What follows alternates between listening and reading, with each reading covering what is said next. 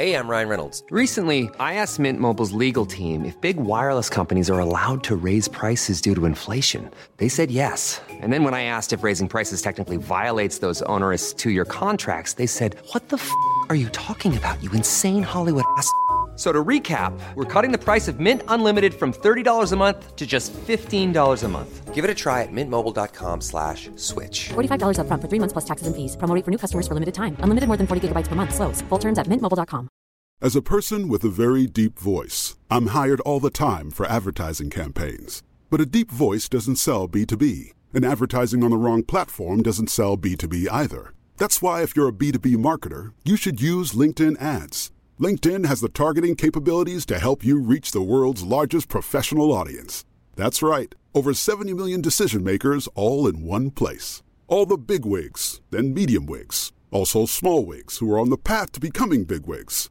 Okay, that's enough about wigs. LinkedIn ads allows you to focus on getting your B2B message to the right people. So, does that mean you should use ads on LinkedIn instead of hiring me, the man with the deepest voice in the world?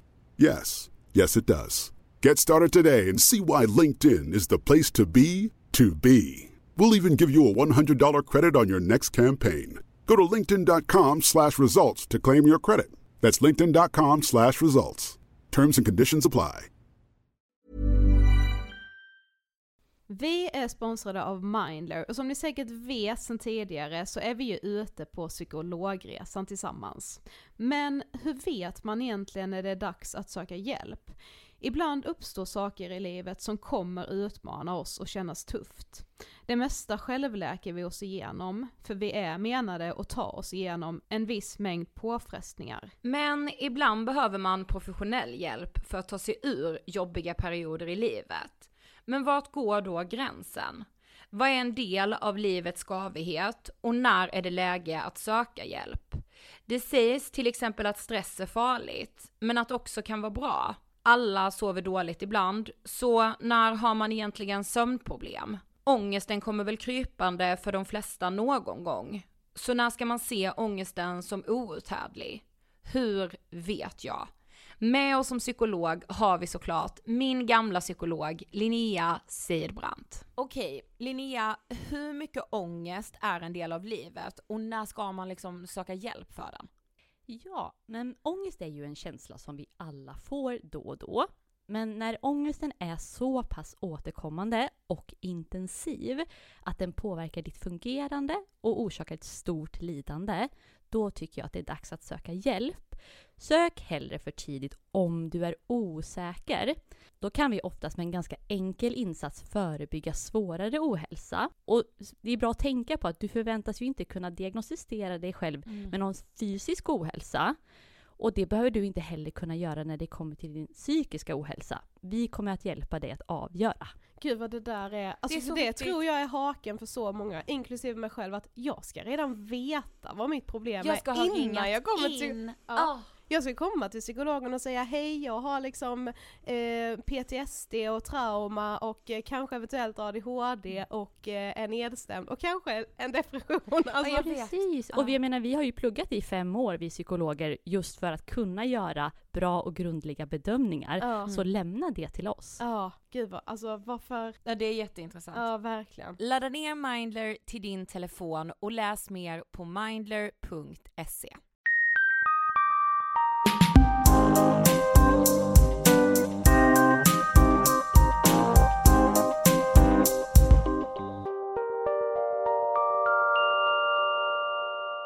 Hej allihopa och hjärtligt välkomna till avsnitt 169 av Ångestpodden. Hej! Direkt ifrån sjukstugan.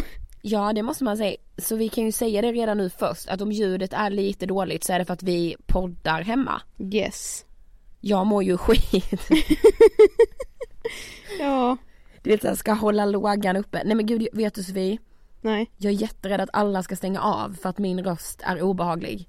Ja men vad fan alltså man kan ju inte hjälpa att man har influensan. Och jag Nej. tänker så här att vi hade lika gärna kunnat säga att vi inte släpper avsnitt den här veckan för att du är så sjuk men det vill vi ju inte göra. Nej men det går inte och jag, då kan inte jag, jag skulle liksom inte kunna fortsätta mitt liv Nej. om vi inte Så, får podda. så om någon liksom har mage att klaga på din röst så tycker jag att eh, då får de fan skärpa till sig. Då, får, då skriver vi det. Att ni har mage. Ja, precis. Men du, återbesöket, del 1 är släppt. Yes! Så jäkla kul. Nej men alltså vad fina ni är, vad roligt att ni gillar konceptet. Jag blev så himla glad för det var någon som skrev bara introt gjorde mig jätteglad. Du jag såg också det, alltså det var ju lite tanken att man liksom skulle bli glad. Precis och att det liksom inte skulle kännas som Det ska kännas som Ångestpodden fast ändå som något helt annat. Ja men precis, och på måndag är vi ju tillbaka med återbesöket och då är det ju Sandra Beijer som är gäst. Jajamensan. Otroligt. Det får ni inte missa. Men du jag tänkte att vi ska tacka vår sponsor Nelly.com Mm. Men innan vi gör det ska jag berätta en helt sinnessjuk sak. Ja. Och alltså så här, om man är känslig för så här ehm, kräkhistorier så ska man, kan man spola nu typ fyra minuter. Mm. Specifik, jag var där. Nej men igår, idag är det ju onsdag när vi spelar in det här, torsdag när vi släpper och tisdagen den här veckan, 17 april så hade vi ju event med Nelly. Mm. Bad-event för att så här, det vet vi ju alla att det kan liksom frambringa jäkligt mycket ångest. Mm. Men det är inte riktigt det jag ska prata om. Även om det också ger mig ångest. Men något annat som ger mig ångest så är det ju att kräkas. Mm. Och eh, du vet jag har ju harvat nu i terapin. Mm. Nej harvat ska jag inte säga för jag har gjort jättemycket framsteg. Men jag har ju verkligen kämpat med det här att jag är så rädd för att kräkas. Ja du har ju faktiskt äntligen tagit tag i det i din terapi. Ja. Jo men verkligen. Och du vet, vi poddade ju med Linnea för typ ett år sedan som hade emetofobi. Mm. Jag visste ju att jag hade det. Mm. När jag hörde henne jag bara, ja, Mm. that's me.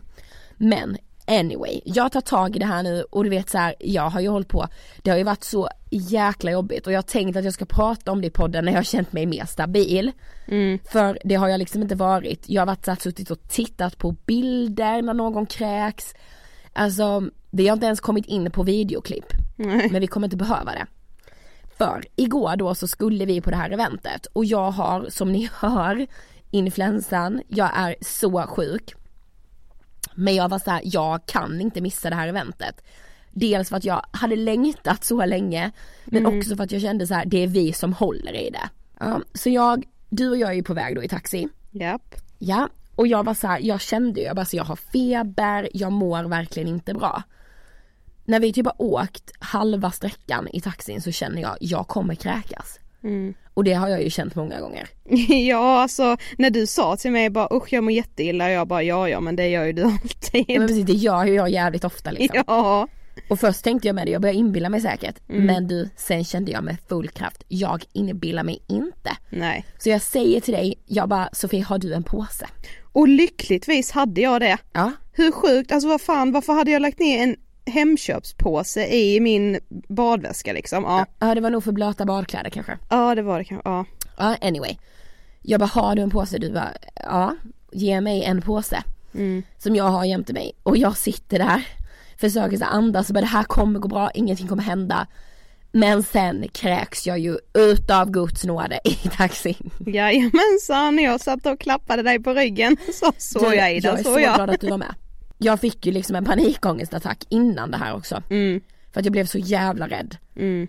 Men, men jag kräks i taxin i alla fall och då inser jag så här att nej men det här går inte, jag kan inte gå på det här eventet. Nej, jag tänkte också att jag vill nog inte ha dig på det eventet. Eller hur? Och det handlade inte om att jag var magsjuk utan ni vet, det här låter så äckligt. Det här är så äckligt, någon kommer ju stänga av nu. Men ni vet så här, när man har jättemycket slem i halsen. Sorry for too much information. Ja men du, men sen kan man tänka sig så här att nu är den här historien slut. Nej, taxin vänder och kör mig tillbaka. Jag hinner kräkas en gång till. Så jag kräks ju igen i den här påsen. Mm. I taxin. Men taxichauffören var jättesnäll för vet du varför? Ja men jag säger ju att jag är gravid och det får så får man ju kanske inte säga. men jag tänkte så här, då kommer han ju ömma för mig. En havande kvinna i bilen, vad ska han göra? Ja men kände du inte lite också för att säga det så här, bara så du vet så är jag inte magsjuk så jag kommer inte smitta dig. Nej och du vet så skulle jag börja förklara då för honom så här, jag har slem i halsen. och han bara va? Bara, ja jag har jävligt mycket alltså. Jag har influensan mannen. Ja och jag har jävligt mycket feber också. så jag kräks här nu. Och du vet han var jättegullig, han så här, gav mig vatten, så här, vätter. Mm. Och han bara man kan inte alltid jobba när man har barn i magen. Det stämmer sa jag. Ja. Men, men summan av kardemumman jag är inte rädd för att kräkas. Nej. Jag har ju byggt upp i mitt huvud, då insåg jag med så här, fy fan vad katastroftankarna ställer till det. Ja. Jag har ju byggt upp i mitt huvud att så här, det här är det värsta som kan ske. Alltså i hela mitt liv. Mm. Du vet jag var såhär, jag bara, det här är inte ens obehagligt. Nej men så här, alltså det obehagliga med att kräkas är ju liksom typ sekunderna innan, alltså det är ju, det är ju ingen som tycker att det är härligt, alltså det är jätteobehagligt och äckligt. Men jag förstår ju med att så här, det är ju vanföreställningar du har haft. Ja, ja Josefie, alltså jag har ju liksom, så igår, igår kväll, alltså jag var ju så stolt över detta. Mm. Jag, jag pratade om den här kräkincidenten hela tiden. Ja jag kände med det, jag bara jag vill inte höra mer nu för nu börjar jag snart må illa. Men vadå, alltså så här, ja men min pojkvän bara så du pratar typ som att du har vunnit ett pris. Jag bara Ja. i min värld har jag det. ja. Jag har vunnit ett pris. Och alla bara grattis. Ja men så här, KBT funkar. Så om Mm. man är rädd för att kräkas, det bästa är nog att kräkas. Har du mejlat eh, din psykolog? Nej jag har inte gjort det. Jag, jag, jag vill liksom hålla på det till hon och jag ses. Ja ja, jag har en liten surprise! Ja verkligen. Ja men ska vi kasta oss in och tacka vår sponsor Nelly.com? Ja, alltså för igår hade vi som sagt då ett event tillsammans med Nelly.com eh, Ett badevent som vi hade liksom eh, styrt ihop och bjudit in personer som vi, alltså vet ni jag satt där, det blev ju liksom, när, jag, när du satt där och kräktes i taxin så tänkte jag liksom okej men jag kommer få hålla i det här eventet själv men jag löser det liksom. Men jag hade ju samtidigt inte så funderat jättemycket på vad jag skulle säga eller liksom oj ska jag hålla något sorts tal här nu inför alla gästerna liksom. Men jag kände bara så här när jag satt där, vi liksom vi var ju på ett eh, hotell i deras spaavdelning och skulle liksom bara bada och basta och liksom ha det härligt och äta frukost och så. Eh, och sen så när alla hade kommit och vi hade satt oss ner för att äta frukost så bara kollade jag på alla gästerna och bara "Gud, Gud, alltså det här är verkligen personer som liksom inspirerar mig utan att de liksom du vet har en vad ska jag säga, det är så prestigelöst allting. Alltså jag har börjat Ja. känna så att mycket på typ sociala medier och sånt, det är liksom mycket så här, allt man lägger upp ska ha ett budskap, man ska liksom hela tiden ta ställning till saker och ting. Men de som vi hade bjudit in till eventet, de bara är och det är så jävla härligt tycker jag. Ja men sen tar ju väldigt många av dem väldigt stark ställning i frågor också. Ja, Såklart liksom. Men de är liksom, de ger inte mig ångest. nej precis och vi ville ju ha ett så ångestfritt event som möjligt och det var faktiskt, så jag tror faktiskt att alla gästerna sa att det här var så ångestfritt och härligt. Nej men gud alltså det där är ju liksom, Sofie det där var för oss goals när det kommer till vårt event. Ja men verkligen. Och anledningen till varför vi hade just ett badevent var ju för att nu drar ju liksom snart badsäsongen igång. Och det är ju väldigt ångestladdat för många. Mm. Att liksom visa sig i badkläder, att vara på stranden. Eh, det är många som känner sig så här, att man inte känner sig fin när man är osminkad. Och så här, bara oj shit är det fel av mig att ha smink på stranden. Precis. Eh, och nej nu har jag celluliter och nej nu har jag ett tillväxt på magen här, alltså ja. Men du vet jag sprang runt här i någon baddräkt som jag har beställt från Nelly för baddräkt är min nya grej. Ja jag älskar baddräkter, fy fan vad underbart det är. Men så visade jag ju för dig, jag bara alltså min rumpa, alltså det här går typ inte, du bara va? Ja, Och så du förstod verkligen inte vad jag menade. Medan Nej. jag bara nej men min rumpa är så äcklig typ. mm. Ja men det känns nästan som att så här, det har ju blivit en grej också med att så här, åh beach, vilket år det nu än är, nu är det ju Ja, då ja, ja. 2018, så beach 2018, alltså vet, det är en sån upphypad grej att man liksom ska typ vara lite nervös och pirrig inför det så att man liksom letar efter fel på något sätt. Nej men vi har ju pratat så mycket om just så här badsäsongen med gänget på Nelly och det känns som att vi liksom, ja men så här, det är verkligen en never ending discussion. Ja men På verkligen. engelska också, nej men så här, du fattar. Mm. Men det jag älskar liksom med badmodet som är nu, det är liksom det finns så mycket variationer nu på liksom badkläderna. Dels att det finns så mycket fina baddräkter, det pratade vi om igår. Bara, alltså det känns som att baddräkt har innan varit så här lite tantigt. Lite tant. Typ. Gud ja. Ja. Och nu bara så här, men shit jag skulle kunna ha min baddräkt på mig och liksom gå ut i den Ja, med typ jeans eller en kjol för att baddräkterna är så fina, det är liksom som en body. Ja precis. Ja men du vet, det är, till skillnad från när vi var typ unga, alltså unga säger jag, men du vet såhär 16 år och det var den här lilla triangel Åh herregud ja. och någon stringtrosa typ. ja. Men du det bästa av allt då, det är att man kan välja och vraka bland Nelly Beach. Yes. Vi har ju nämligen en rabattkod till er så är ni sugna på att uppgradera er eh, bikinigarderob eller för den sakens skull baddräkt, alltså kolla in baddräkterna på Nelly, I freaking love them. Jag tycker vi ska visa några baddräkter på vår Instagram innan söndag Sofie. Ja det gör vi. Mm. Men i vilket fall som helst så har vi en rabattkod till er som gäller fram till söndag klockan 23.59 och den är Angespodden 20 och den ger er 20% rabatt på hela Nelly Beach. Exakt, så det gäller alltså alla badkläderna från Nelly. Yes. Det är helt sinnessjukt ju, det är inte Mm. klokt. Stort tack Nelly.com. Okej, åter till dagens avsnitt då. Vi tänkte ju faktiskt att det var fett länge sedan vi gjorde en frågepodd. Ja men det var ju det och grejen var i förra avsnittet så sa vi att vi skulle prata självkänsla idag. Mm. Men det kommer lite längre fram istället. Yes. Så igår slängde vi ut frågan på vår Instagram, bara snälla ställ oss frågor i Insta-DM och vi fick jättemycket frågor så vi kommer inte hinna svara på alla men eh, några var ganska lika varandra och sådär så vi, jag tänker att vi, vi kör på här så, så ser vi hur många vi hinner helt enkelt. Ja men grejen är ju också typ varje vecka är det ju någon som önskar frågepodd. Mm. Så ja men nu kör vi liksom, så känner Yes. Okej, första frågan. jag. Ja. Bästa tipset mot separationsångest? Åh gud. Nej men det där är jag jättedålig på Sofie. Ja, för att jag har själv väldigt mycket separationsångest. Ja. Men alltså, jag vet inte egentligen hur jag gör för att försöka hantera separationsångest men på något sätt måste det beror ju på vad det är för någonting. Alltså så här, jag kan ju ha separationsångest inför liksom en tv-serie. Nej men usch, ja gud ja. Och då är det bara så här, men snälla människa, det är ju bara att titta om. ja men egentligen. Jag vet. Men det är ju värre om man typ har så separationsångest kanske inför en person eller liksom inför en Jag kan nog ha mest separationsångest för alltså händelser.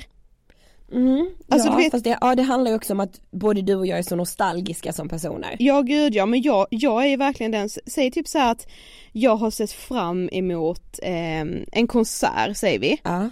Och så har jag längtat och längtat och längtat för det är ofta så när man köper liksom biljetter till stora konserter så gör man ju det typ minst ett halvår innan. Ja men typ ett år ibland. Ja.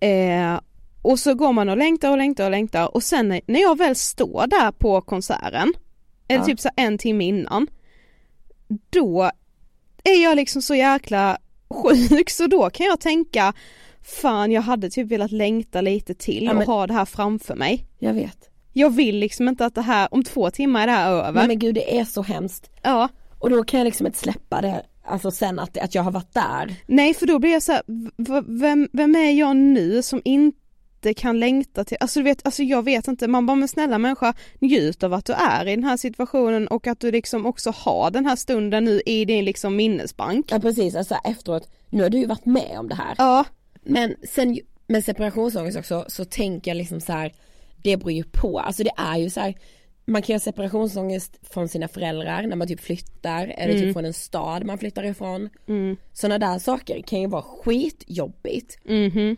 Men det tror jag också så här att man behöver det kan man liksom behöva terapi för. Om man känner att det tar upp så jäkla mycket tankekraft. mm. Ja sen tror jag också att så här, att tillåta sig att ha separationsångest, alltså typ så här, nu, nu är det ju fem år sedan vi flyttade till Stockholm Och i början hade inte jag alls mycket separationsångest ifrån till exempel mina föräldrar. Eh, jag tyckte liksom inte så här, åh fan vad skönt att slippa dem, men jag bara så, ja men nu börjar ett nytt kapitel i mitt liv när jag flyttar hemifrån, shit vad coolt liksom bara så. Ja. Men har jag typ varit hemma i Karlshamn nu i så här två veckor, då får jag ju jättemycket separationsångest. Jag bara, usch jag vill inte lämna mina föräldrar. Nej men det vet jag inte klok då. Nej Alltså, och, då, jag- och, och liksom det kan man ju nästan så, så här, det känns som att är man 25 år så är det liksom så här då får man inte sakna sina föräldrar på det sättet som jag kanske gör ibland för att det är liksom är så här, åh shit det är lite barnsligt Ja, men typ. vet du vad, vad som händer med mig? Nej, Jag blir det här djur, alltså jag blir min djurhjärna. vadå Jag blir djur? som en sån här koalabjörn, du vet som där ungen hänger på föräldern. Mimmar gör du?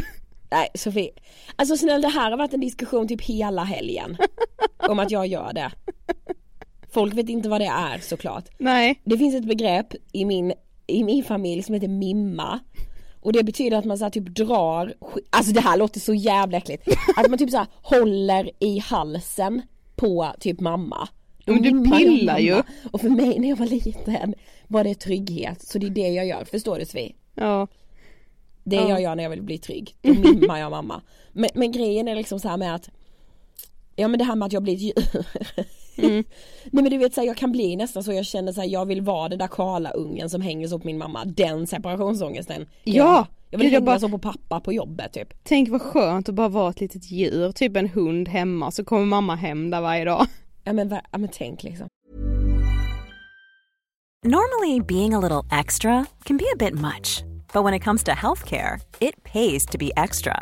And United Healthcare makes it easy with Health Protector Guard fixed indemnity insurance plans. Underwritten by Golden Rule Insurance Company, they supplement your primary plan, helping you manage out of pocket costs without the usual requirements and restrictions like deductibles and enrollment periods. So when it comes to covering your medical bills, you can feel good about being a little extra. Visit uh1.com to find the Health Protector Guard plan for you.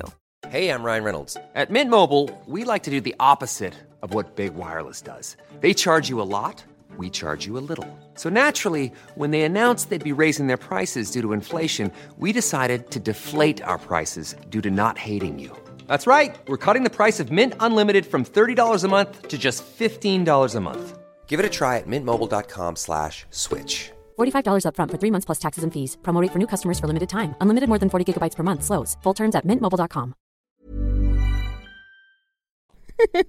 Jag dör. Mamma, alltså jag vill hänga så på mamma och pappa, det är helt galet men alltså så blir jag typ. Ja, men det viktigaste är väl att liksom inte skämmas över att man känner så och liksom säga med sig bara fan vad jag saknar mina föräldrar. Nu kanske det inte var just det som den här personen har separationsångest över men alltså Nej men jag tror man att acceptera att den finns där för när man så här, i någon slags panik försöker bli av med den då blir det nog större. precis. Att på något sätt acceptera att så ja den är där, den här lilla ångesten Lilla säger jag nu, den kan ju vara skitstor men då tycker jag verkligen man ska söka hjälp. Men att så här, den här ångesten finns här nu. Den kommer inte alltid vara så stor. Nej, okej. Eh, hur hanterar man en syster slash syskon med en depression? Jag har en stora syster som har en depression slash utmattning. Vi står varandra väldigt nära men jag har alltid varit lilla syster som hon har tagit hand om. Nu när hon behöver hjälp och stöttning märker jag att hon har svårt för att ta emot det och jag har svårt för att veta vad slash hur jag ska göra för att finnas där på bästa sätt. Hon tycker inte om att prata om det även när jag frågar, vill visa att jag finns där och att hon kan prata med mig. Gud jag kan verkligen förstå det här, inte för att jag har syskon Nej. men att så här, att vara typ lilla systern och känna så här men gud jag har alltid blivit omhändertagen för att jag är den lilla liksom. Ja precis. Alltså, ja jag kan ju liksom, jag är ju själv stora syster Ja. och jag kan ju på något sätt förstå den här stora systern, alltså för att man har ju på något sätt när man är stora syskon Mm. så har man ju också alltid på något sätt bara varit det. Ja och, det och det är ju liksom en stolthet, alltså så här, inte en negativ stolthet, jag är jättestolt över att jag är stora syster och jag kan förstå den här stora systern då i det här fallet som liksom inte vill visa sig svag. Exakt. Eh, men jag tror egentligen det bästa för dig som ställer frågan eller kanske någon annan som är lilla syskon till någon som har psykiskt dåligt är att egentligen bara fortsätta visa att man finns där och även ifall personen kanske inte verkar vilja prata om det eller verkar vilja ta emot hjälpen så tror jag någonstans att det uppskattas så extremt mycket att ni bara visar att ni finns där, att ni vill lyssna, att ni vågar ställa frågor för det Ja. är verkligen så viktigt. Och sen tänker jag med att så här, att vara lite jobbig liksom. Mm, Alltså speciellt om man är syskon för då är man ju varandra så nära och så här, man bor under samma tak. mm. Nu vet jag inte om de gör det i det här fallet men det lät så tycker jag eller? Ja, jag vet inte, men också så här att fortsätta i den mån det går att vara lill, lilla syskonet. Alltså ja här, precis. Och sen också att så här, inte glömma bort sig själv, att inte ta ett för stort ansvar Nej, och att inte så här, jag ska rädda min syster nu utan att så här, det måste hon göra själv med Mm. professionell hjälp, erbjud dig att följa med eh, henne eh, det kanske hon redan har gjort liksom. Mm. Men så här, att vara lite jobbig tycker jag är det bästa tipset, ärligt talat. Ja precis och att liksom fortsätta behålla den rollen som man alltid har haft. Alltså det återkommer vi till hela tiden så här hur vi var tvungna att vara fortsätta bara vara bästa kompisar med eh, fri, vår bästa kompis Frida när hon fick bulimi eller som jag har varit mot dig när du har mått dåligt. Alltså man Mm. måste ju på något sätt fortsätta att bara vara bästa kompis. Annars tär det ju liksom på relationen. Ja exakt, men vi kör nästa va? Mm. Hej, hur hanterar ni prestationsångest? Jag går första året i gymnasiet och lider sedan tre år tillbaka av denna sorts ångest. Det räcker inte med att omgivningen säger att skolan är inte allt eller det där betyget påverkar inte slutbetyget. Det behövs, det behövs ta tills något mer känner jag. Har ni några förslag? Tack för en fantastisk podd. Kram. Åh kram. Alltså prestationsångest är ju verkligen så här, det ingår ju både din och min vardag Sofie. Ja, gud ja. Vi hade ju aldrig vågat skriva ångest på om inte vi hade haft en jävla prestationsångest. Nej. Men det där tycker jag, alltså vi har ju inte ens gjort ett avsnitt ännu om prestationsångest. Nej. Och det tror jag handlar om att så här, av att man har så mycket prestationsångest inför att göra det. Nej men alltså så här, det är så svårt i min värld. Mm.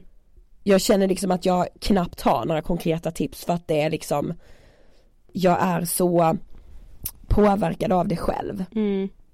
Ja alltså jag kan inte säga, alltså jag hade ju inte mycket prestationsångest under gymnasiet. Eh, alltså jag, in, jag ska inte säga att jag inte ske, att jag sket i skolan, det gjorde jag verkligen inte men jag var så här, nu pluggar jag tills jag får godkänt, sen är det, sen är det bra, sen räcker det liksom. För Men jag, kunde du liksom vila i det? Alltså jag vet att vi har pratat om det innan men jag är så imponerad av det. ja men det kunde jag verkligen. Mm. Eh, jag önskar på något sätt att jag hade det tankesättet nu för det har jag ju inte. Nej. Men gud vad svårt, alltså nej det känns inte heller som att jag kan komma på något så här konkret tips mer än att försöka lita på de som säger att skolan inte är allt för det är det inte. Nu, nu säger liksom jag samma tips som, som den här personen säger att det inte hjälper men alltså det, det är ju inte allt. Långt ifrån. Ja. Men sen tror jag med på något sätt att man liksom Alltså så acceptera prestationsångesten är ju svinsvårt. Mm. Men att så här, okej nu kommer den men jag kan inte lägga liksom hela mitt sociala, eller så här, jag kan inte offra hela mitt sociala liv för att till exempel plugga eller få jobba eller så här, vem tackar mig i slutändan? Alltså så här, för Mm. vem gör jag det här? Mm, precis. Och det är ju väldigt lätt att lura sig själv att säga, fast jag gör det här för mig. För då får jag de betyg jag vill ha, då kommer jag in på den där skolan eller jag blir omtyckt på jobbet.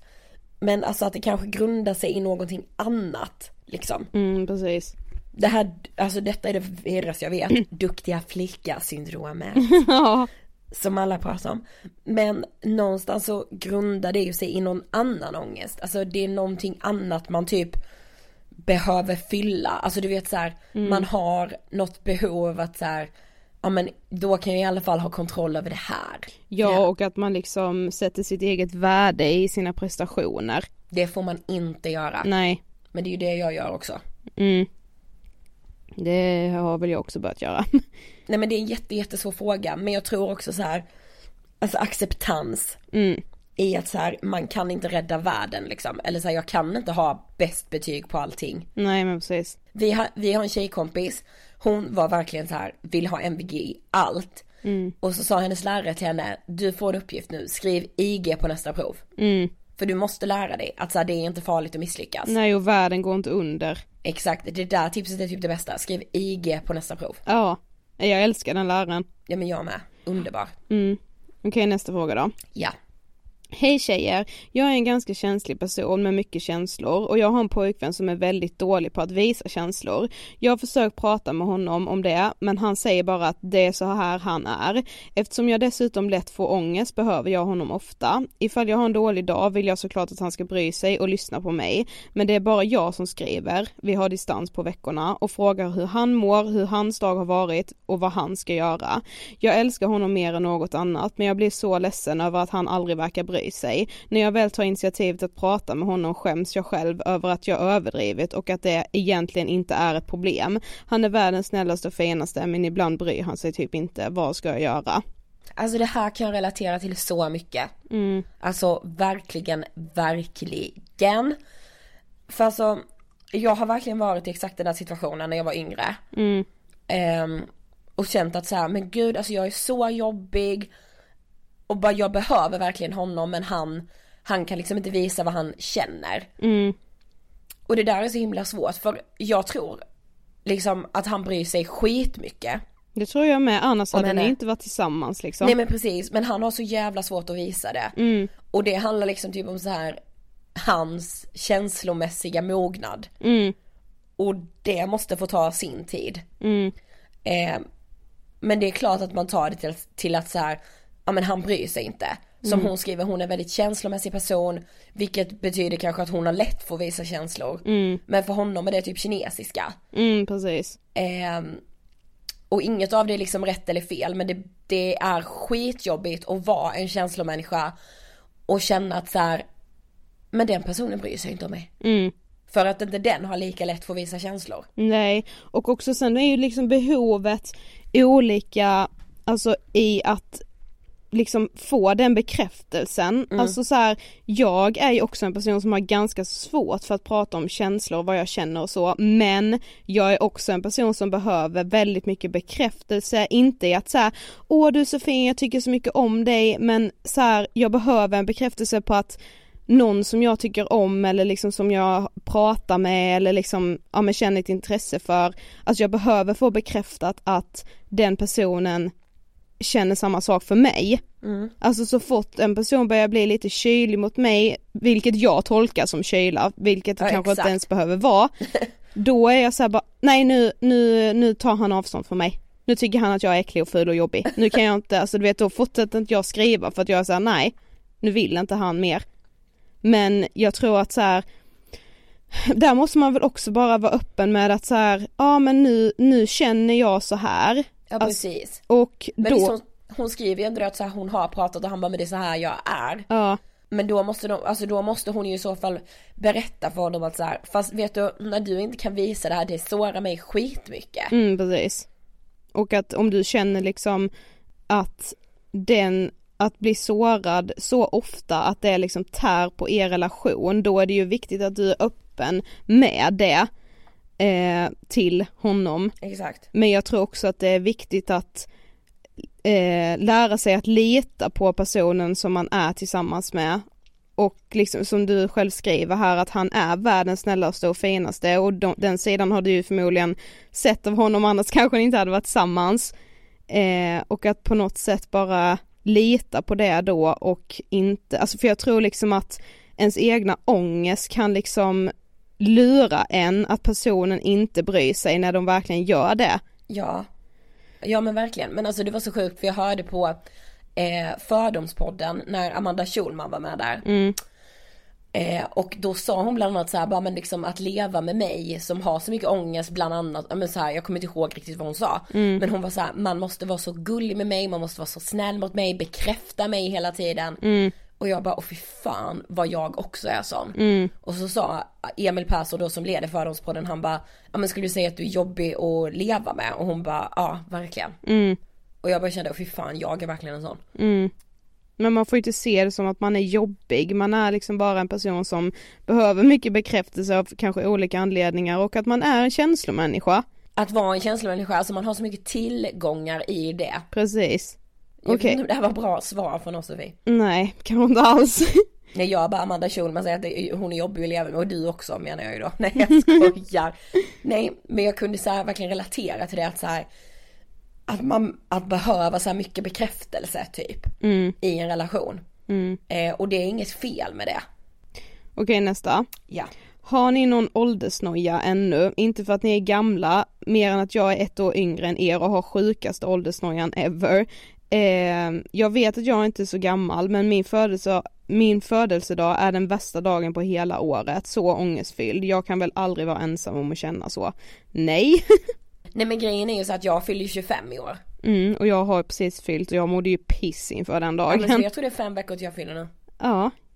Jäklar är det inte mindre, eller mer? Nej men det är vedervärdigt. Nej. Jag tycker att det här är så jobbigt så att jag vill knappt prata om det. Nej men jag vet alltså, jag mådde ju skit också inför min 25-årsdag. Nej men jag har aldrig sett dig må så dåligt. Nej, alltså det var verkligen jättehemskt men alltså så här. jag hade liksom ändå en jättebra födelsedagshelg för jag firade ju faktiskt både fredag, lördag, söndag. Mm. Eh, för att jag fyllde en söndag. Eh, men liksom inför den dagen så mådde jag skitdåligt så att du som skriver den här frågan, du är absolut inte ensam. Eh, och jag tror att så här, den här åldern är, jag tror verkligen med handen på hjärtat att när jag är äldre kommer jag se tillbaka på den här perioden som liksom den absolut bästa och roligaste i mitt liv. Ja. Men den här perioden är också så jobbig för att man kan vara med jämnåriga personer kan man vara i så himla olika stadier i livet. Men det är ju det. Så det är så jävla lätt att ställa sig frågan, gör jag liksom rätt eller fel? Precis. Det är väl därför man har åldersnöja eller? Ja Nej, precis. absolut inte. Jag är åldersnöja med för att så här, ung och dum grejen, det är bara att glömma nu när man är 25. Ja men precis, nu får man liksom inte, nu, om du gör fel nu så gör du det bara för att du är dum, inte för att du är ung och dum. Exakt. Och du vet så här, men alltså jag vet inte, det är allt så jag bara, men shit alltså jag var så oförstörd när jag var 18 typ. Mm. Så första fyllan. Du hör ju själv liksom. Ja. Vem, vem vill åka tillbaka till första fyllan? Förmodligen ingen mer än jag. Som är nostalgiker. nej det vill faktiskt inte jag heller. Vill du inte åka tillbaka till första fyllan så vi är midsommar 2008, är du galen? Nå, Att jag, att jag minns det också. ja men det är klart jag med minns. Ja fast du skulle inte kunna droppa midsommar 2008. Nej jag skulle inte säga 2008 men jag skulle säga att det var en midsommar hemma i Vickans lägenhet. Ja precis, förlåt mamma och pappa. Okej, eh, sista frågan då. Ja.